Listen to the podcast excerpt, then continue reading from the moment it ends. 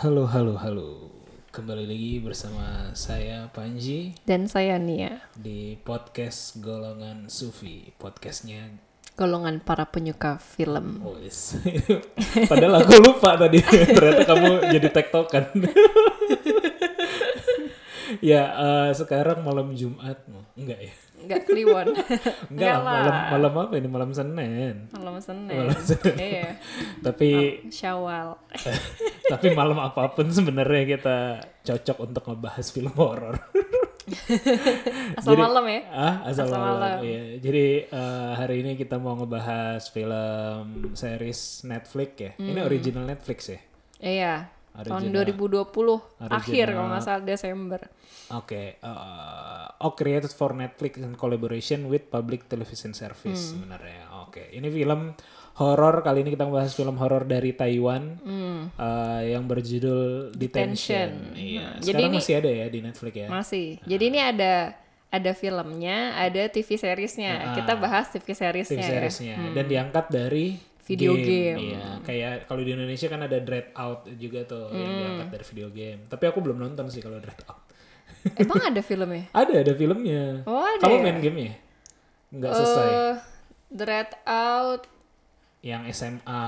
main main main. Nah, tapi yang dulu mungkin ya, kan ada yang versi barunya. Iya, ha, yang dulu eh main sih, cuma nggak diselesain. Eh, menurut kamu kalau dari game diangkat ke film tuh secara umum bagus apa nggak biasa? Bagi fans mungkin diantisipasi ya, sama kayak eh, apa game Resident Evil kan, Eh, sampai sekarang pun untuk versi remake-nya bukan tapi bukan kalau itu kan sekedar action kan, maksudnya kalau Oh, iya, horror ha. gitu. Oh, horor ya. Iya, eh, Soalnya kan kayak kalau di game kan ada Iya maksudnya apa pun ya kan yang namanya game kan pasti ada fansnya. Dan kalaupun diangkat jadi film atau series itu pasti akan diantisipasi sama fansnya. karena kita pengen lihat eh, gimana sih gambar hidupnya gitu Ah, kan. live actionnya gitu ya. Eh, eh, pasti menarik banget. Bahkan sampai sekarang kalau misalnya ada ada satu game yang aku pengen kali ada yang mau bikin filmnya ya. Kamu pikir akan denger ini mereka? iya sih. Udah sampai lupa ya. Apa Gamenya udah judulnya? lama banget itu main dulu di Horror juga? Xbox. Ah, ah. Oh, horror juga. Jadi eh, apa tentang game yang moto-moto gitulah. Apa ya Oh, judulnya ya? Iya iya iya iya, aku tahu, aku tahu. Lupa aku judulnya tuh. Iya iya. iya.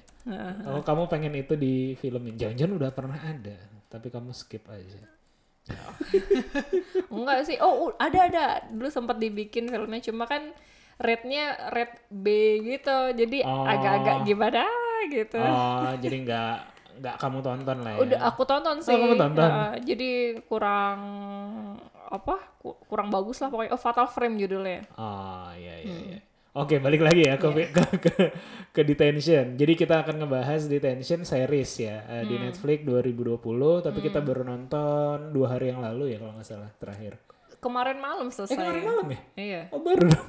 Heeh. baru banget ya baru selesai kemarin malam. Hmm. Eh, nah gimana ini ceritanya gimana menurut kamu? Atau premisnya dulu deh. Ini ceritanya tentang eh ada seorang siswa gitu ya di masa lalu yang akibat dari perbuatannya membuat jadi ini settingnya tuh sebetulnya eh, ya di Taiwan ya. Jadi eh, diawali di, di tahun 19 berapa sih? 60-an. 60-an ya?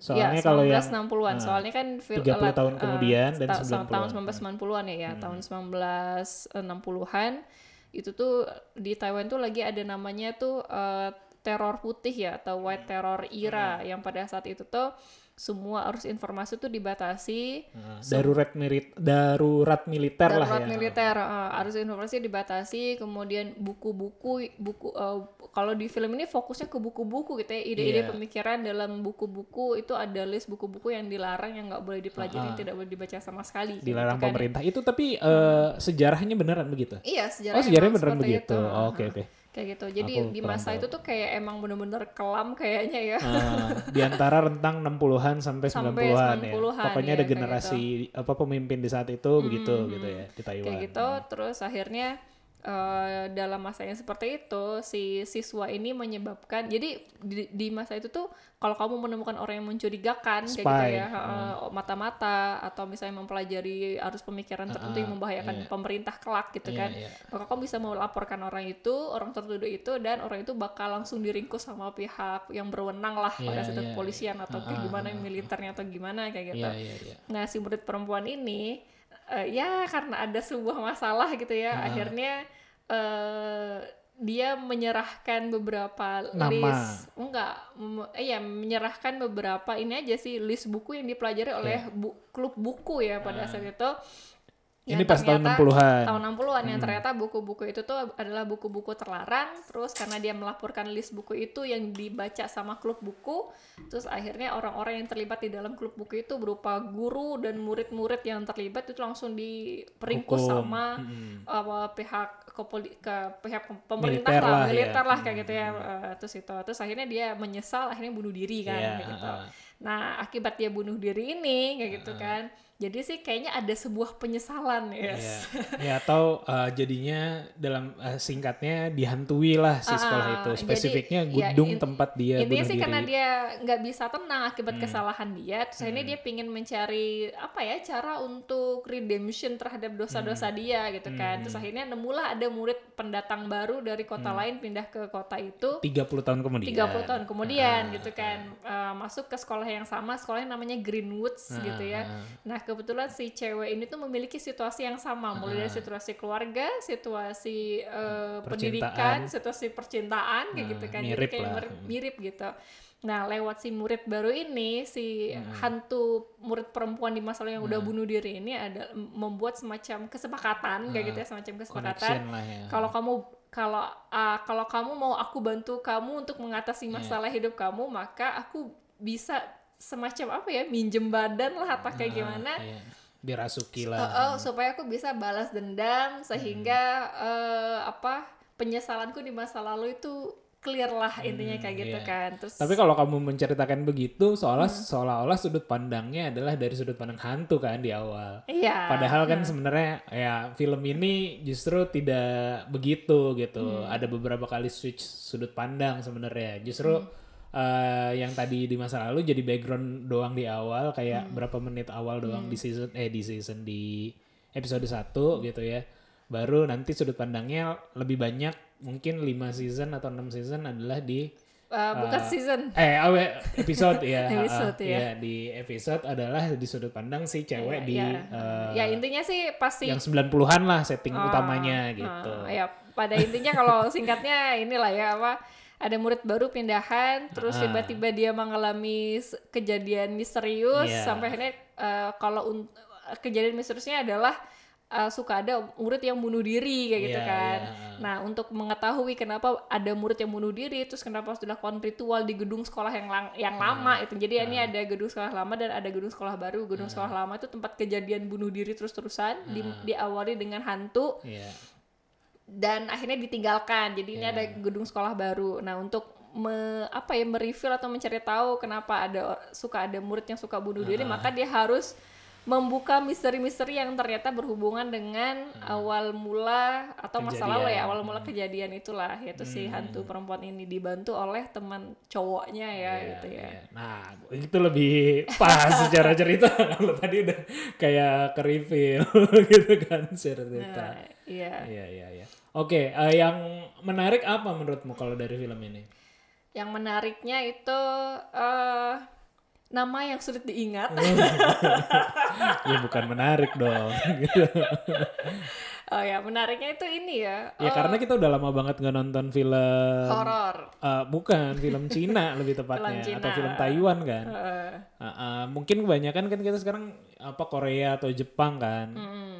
Uh, uh, jadinya mungkin namanya apa ya bahasanya udah nggak familiar lagi gitu. Hmm. Kalau dulu-dulu kita nonton film uh, Cina lebih mudah relatif nginget ya namanya. karena kan di dubbing. Uh, bukan iya di dubbing tapi kan namanya tetap nama Cina. ya karena gitu udah ya. di diucapkan sama orang Indonesia Oh juga. gitu ya. Enggak kalau aku ngelihatnya lebih karena jarang sih. Kalau dulu zaman-zaman nonton film Jackie Chan dengan bahasa Jackie Chan-nya, eh bahasa Cina-nya gitu kan. Enggak beda cara mereka cara orang Cina nyebut nama mereka pakai bahasa sendiri Ah. gitu ya, pakai bahasa Mandarin atau apa pun Kanton dan semacamnya dengan orang Indonesia yang dubbing dan menyebutkan nama yang sama gitu loh. Oh, iya, iya. Enggak, yang kalau misalnya oh, film-film Hong Kong yang kita tonton setelah ada Netflix kan juga atau setelah ada internet kan juga dengan bahasa aslinya gitu kan. Ya baru dikit kayaknya ya. Apa ya? Aku sih udah cukup banyak yang rasanya. Mungkin karena udah lama kalau aku sih nganggapnya Oh gitu. iya, oke lah. Iya, terus gimana gimana tadi namanya? Namanya sama settingnya sih. Eh, Nama termasuk hal yang menarik. iya. Soalnya susah, susah apa ya? Jadi dari awal sampai akhir tuh berusaha Karena nginget. banyak banget karakternya juga ya. Iya, jadi kayak disebut nama ini langsung oh langsung harus ngebayang nih yang, Yang mana, sih mana? mukanya kayak gitu yang dimaksudnya yang mana misalnya kayak gitu. Walaupun sebenarnya kayak dari awal sampai akhir nggak inget juga nih namanya. Cuma kalau disebutin eh, namanya kita langsung kebayang mukanya lah. Hmm. Cuma kalau harus disebutin siapa aja nama karakternya nggak akan bisa aku nyebutin satu-satu oke, kayaknya. oke, oke. Ya, Settingnya kenapa? setting Settingnya waktunya menarik? sih ya Hmm. setting waktunya menarik Eh, karena apa ya jadinya eh, pertama yang setting eh, presentnya kan tahun 1990-an Mm-mm. ternyata tahun 1990-an pun masih ada sisa-sisa kayak sisa-sisa Iya. dari Militer. efek iya efek kejadian di tahun 1960-an Iya, ya pada soalnya saat itu 60 ya. sampai 80-an akhir kan. Mm, kayak gitu. itu. Jadi apa ya ngelihat eh, apa ya, menarik ngelihat ininya sih pernak-pernik yang disajikan gitu loh. Hmm. Bajunya, terus rumahnya, terus perabotan rumahnya, kayak gitu sih Oh. apa sistemnya kayak gitu ya. Menariknya di situ. Pun juga pas Tapi itu kalau aku lihat sih lebih karena di Greenwood-nya areanya aja sih di di desa tersebut dan di sekolah tersebut. kan di rumahnya juga sama masih. Bukan eh, kalau dari sisi ininya, dari sisi eh, tekanan militernya ya. Karena kan kalau yang pertama-tama justru dia dari kota pas balik ke eh pas ke kampung Mm. itu, oh kok kalian masih kayak gini udah tahun 90-an gitu kan. Iya, Jadi tapi kayaknya- kan secara fashion dan Oh, iya, iya. secara Setting keseluruhan iya, ya. barang-barangnya juga masih kerasa 90-annya Ah, gitu iya, loh, iya, nggak iya, kayak iya. zaman sekarang. Ah. Kayak gitu. Terus eh, kalau pas balik lagi ke masa lampau juga menarik sih Ah. karena kita jadi kayak ngelihat apa ya eh eh, ngelihat peristiwa sejarah aja bagaimana Ah. orang bagaimana mereka bisa tertekan dan dan itu pun dalam lingkup sekolah gitu ya mana sekolah sendiri kan tempat kita belajar ya apa pun bisa kita pelajari SMA ya tempat kita settingnya ya? eh, eh, tempat bebas lah berpikir dan segala macamnya tapi ternyata uh, keripres juga gitu kan tertekan juga di situ cuma tertentu yang bisa dipelajarin kemudian sistem militer yang ada di sekolah gitu kan aneh sih sebetulnya ya Hmm. Eh, Ya tapi mungkin memang begitu kali ya. iya mungkin memang begitu kita juga nggak tahu ya pendidikan dulu di Indonesia kayak gimana apa Hmm. Iya jadi kayak sekolah tapi dijagain sama militer kayak gitu kan Hmm. apalagi sama si instruktur ins, instruk Faktor ins inspektur PAU apa ya P atau apa? pau kalau Ah, nggak oh, salah. pau ya. Iya, oke. kayak gitu jadi eh, bener-bener dan di situ juga kita ngelihat eh, orang orang lama yang nggak bisa maju seiring dengan zaman tuh Hmm. kalau nggak nyusahin ini ya apa dia ya di satu sisi dia menyusahkan di sisi Ah. lain pun akhirnya dia juga akan ditinggalkan kayak Iya, gitu lah iya, iya. Kalau dari sisi itu kan kamu uh, lebih ke cerita atau lebih ke setting lah ya secara umum. Kalau uh, horornya gimana? Ini kan kita menilai ini sebagai di film horor.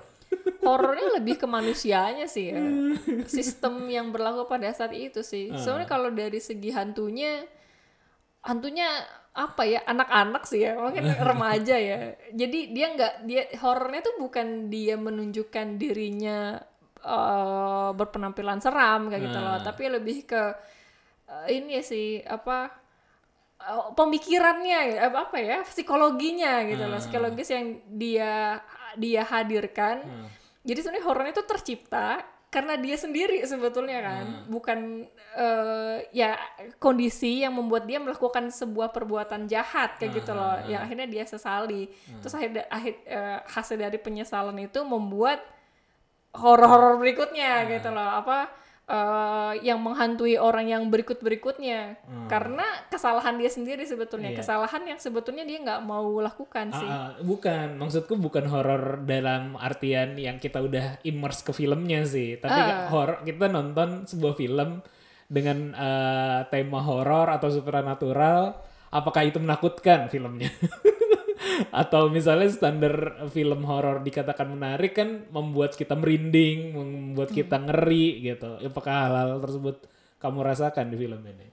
enggak sih Berarti Horornya- memang lebih cocok ini adalah supernatural thriller aja kali ya iya dibilangnya. nggak horor-horor banget justru horornya lebih muncul di pas episode akhir sih Hmm, pas benar-benar si hantunya melakukan pembunuhan ya kalau pembunuhan juga udah nggak horor sih. Kalau aku punya pandangan lain sebenarnya. Kalau aku melihat eh, horor ini hanya eh, di episode pertama mungkin ya atau episode kedua lah maksimal gitu ya.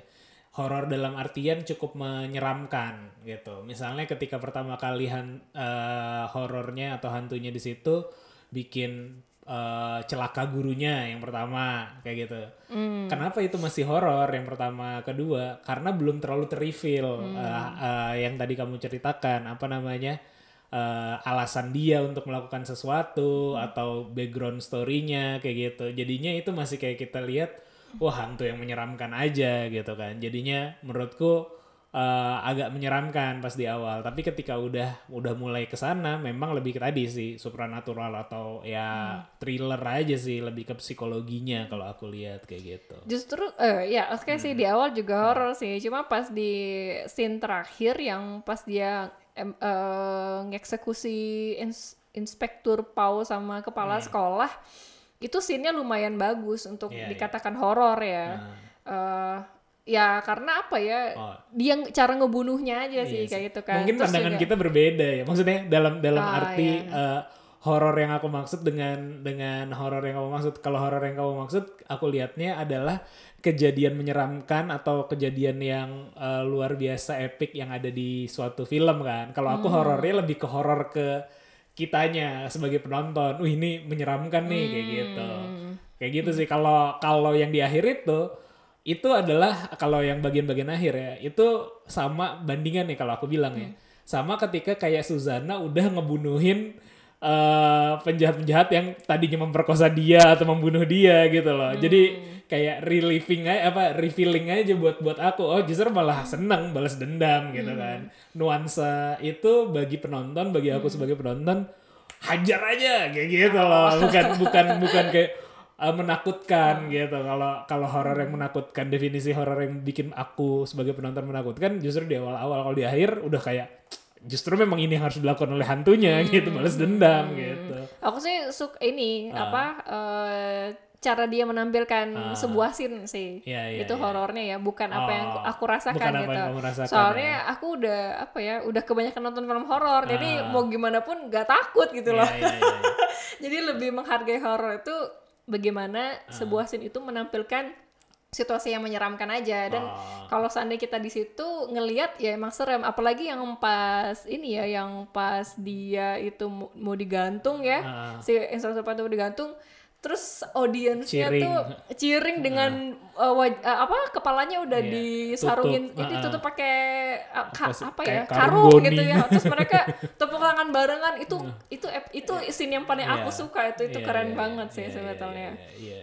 Iya, jadi ini mungkin tadi buat yang dengerin, eh, jadi kurang lebih ini adalah film yang kalau kalian suka film-film horor 80-an, 90-an ala Susana Hantu Balas Dendam, nah kurang lebih inilah yang akan tersajikan. Tapi lebih ke eh, tadi ya ada unsur-unsur eh, menurutku menariknya adalah ada unsur-unsur romansnya yang lebih baik, terus juga eh, mungkin ada sedikit politiknya, terus juga ada eh ya itu ya kurang lebih ya politik horor supernatural dan romance digabung jadi satu iya jadilah film ini gitu Cuma ya jadi nge-revealnya per episode tuh emang pelan-pelan sih. Iya, jadi uh-uh. slow burn banget sih. Jadi Iya, kalau misalnya kita pengen cepet-cepet nonton nggak cocok sih nonton film ini ya. Jadi emang harus nikmatin Ay, soalnya per episode itu kayak beda-beda gitu ke revealnya. Ini sampai episode 1 cuma sampai Iya. aw- ini, episode 2 segini, Iya. tiga sini dan akhirnya ke reveal semua kayak Iya, gitu loh. tapi pun filmnya tidak terlalu panjang sih. Eh, Cuma iya. 6 ya? Cuma enam. Iya, aku udah kerasa ini apa ya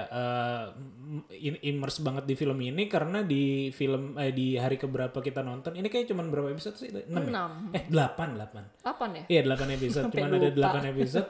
Cuman kalau nggak salah kita nontonnya eh, kebagi dua hari apa tiga hari gitu kan. Mm-hmm. Nah aku di hari kedua aja udah kebawa mimpi gitu Ya, untuk untuk Dua malam mimpi ya? ah, untuk untuk nextnya kayak gimana nih. Jadi nah menurutku aku udah udah cukup immerse ke suatu film tuh kalau udah kayak gitu tuh.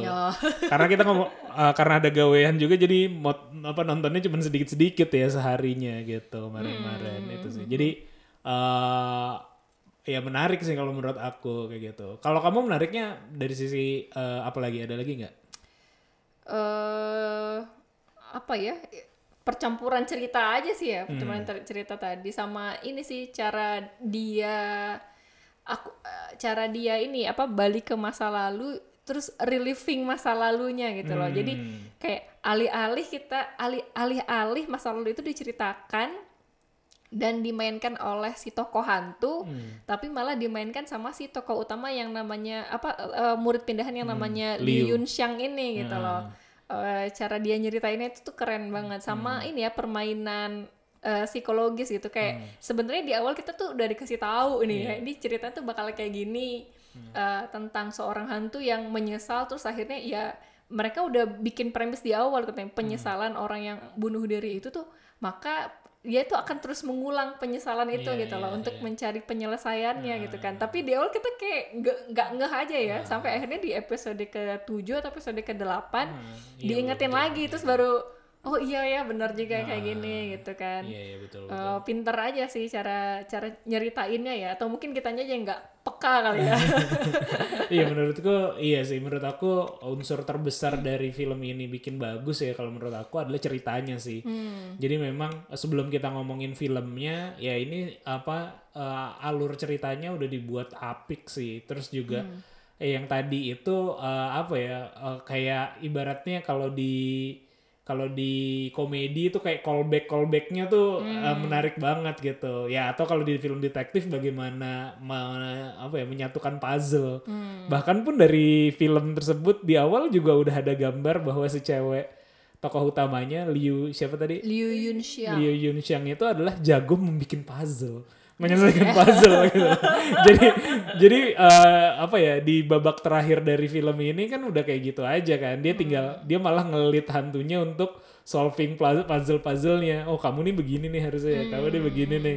Ini yang terjadi nih karena dia udah reliving di masa lalu. Jadi, Jadi itu kayak- hmm, jadi emang ini ya apa eh mekanis Clue-clue, ah. iya terus ya clue-clue itu tadi. Clue-clue yang dihasilkan dan misteri-misteri yang dibuat itu tuh sebetulnya false memory kan iya ada beberapa false memory jadi- atau apa iba- istilahnya, istilahnya eh, yang distorted ya Ah, distorted, distorted memory, memory-nya iya. bahkan begitu begitu cara apa ya mekanisme tubuh kita tuh melindungi diri kita dari Ah. ingatan kita sendiri sehingga akhirnya kita membuat memori yang berbeda gitu Iya, loh yang memori inilah apa eh, mekanisme otak kita Ah, ah, melindungi itu enggak, ah, ah, ah. melindungi emosi kita. Ah, ah, gitu kan jadi kayak daripada kalau kamu merasa bersalah terus kamu nggak bisa hidup nih ya udah iya, iya. di disource aja Bahkan nih kamu tidak bisa mati.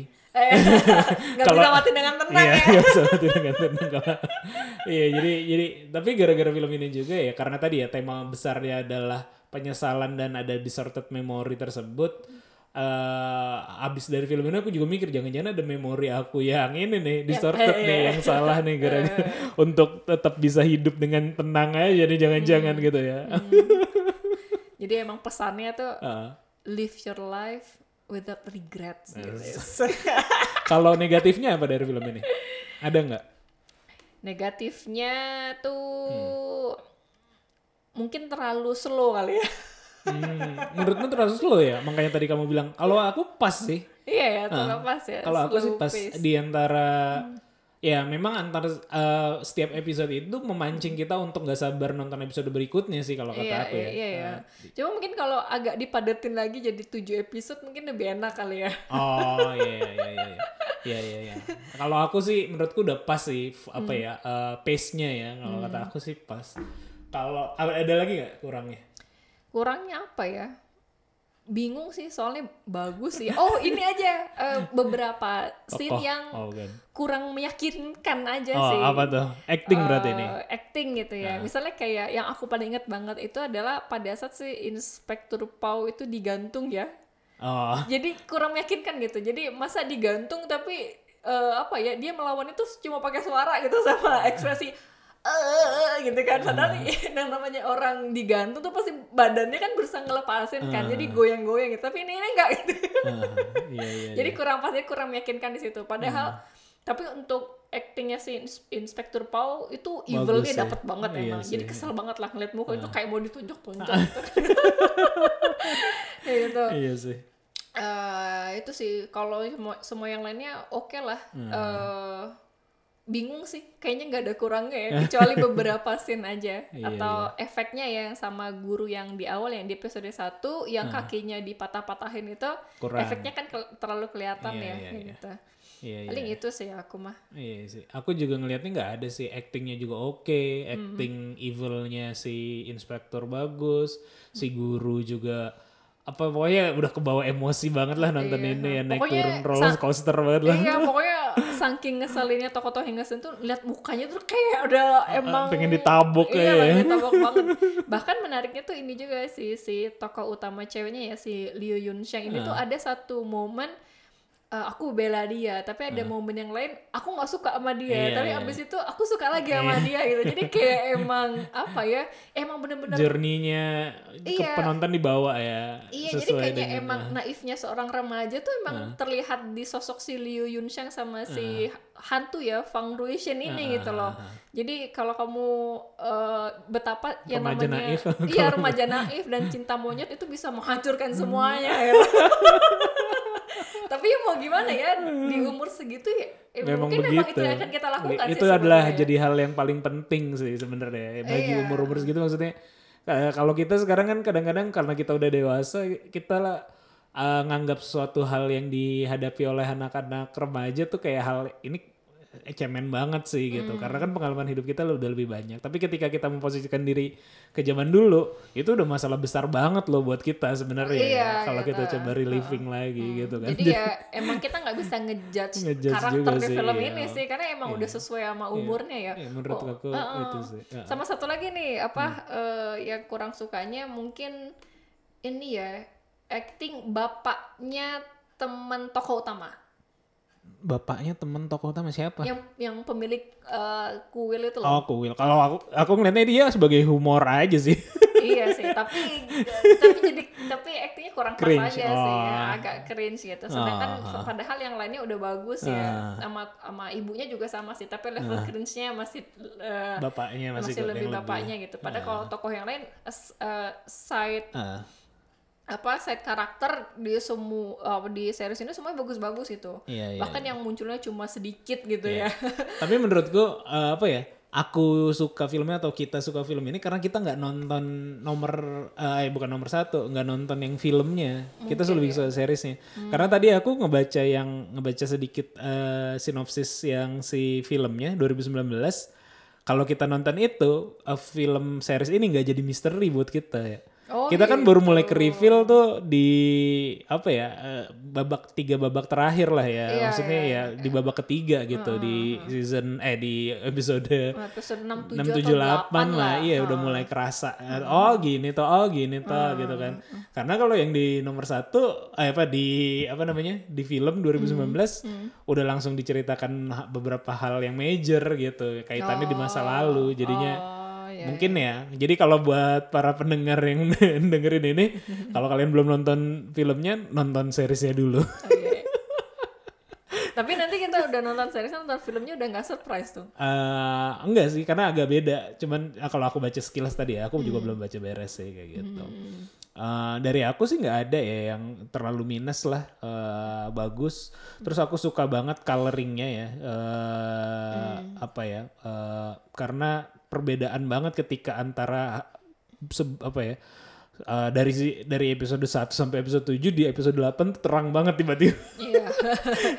Kayak yeah, pertanda yeah. atau sebelum masuk ke desa tersebut juga hmm, cukup terang yeah. gitu. Tapi jadi oh ini suramannya udah lenyap nih. Jadi Bahwa itu hantunya udah tenang. Iya, dan aku suka banget sih apa masalah distorted memory ini sebagai solusi atau bukan uh, sebagai solusi sebagai alasan hmm. terus penyesalannya ya kuat di story sih menurut aku hmm. nih ini ini filmnya. Tapi mungkin buat penggemar yang tadi ya udah nonton udah main gamenya udah nonton filmnya lalu nonton series ya mungkin series yang paling rendah kali mm. cuman kalau kita uh, kalau aku sih karena nggak tahu jadinya uh, seru gitu mm. Sama kalau kurang ya mungkin tidak ada yang terlalu ganteng atau terlalu cantik ya di di di iya di, di sini. sih? Taiwan gimana sih? Tapi emang kayaknya so-so sih Taiwan kalau kita kayaknya sih karena make upnya aja sih. Oh make upnya aja. Hmm. Soalnya kayak kayak ya. kalau yang lihat film Thailand misalnya apa zaman dulu uh, ya kalau kita lihat di zaman sekarang juga biasa-biasa. Kayaknya make upnya natural aja. Oh, nggak terlalu uh, kayak enggak, Korea gitu ya. Uh, iya, cuma kalau di make upin bakal ganteng-ganteng dan cakep-cakep juga sih kayaknya ya. Kecuali guru genit itu ya. itu mah karena kamu kesel aja kayaknya sih. guru genit itu mau diapain juga ngeselin kayaknya mukanya. Tahu deh. Oke deh, uh, itu aja untuk malam ini yang kita bahas tentang detention. Uh, sampai ketemu. Eh, itu aja ya? Iya, itu aja. Oke, oke. Okay. Saya Panji undur diri. Dan saya Nia bye-bye. sampai ketemu di podcast uh, Golongan, Golongan Sufi berikutnya. berikutnya. Bye.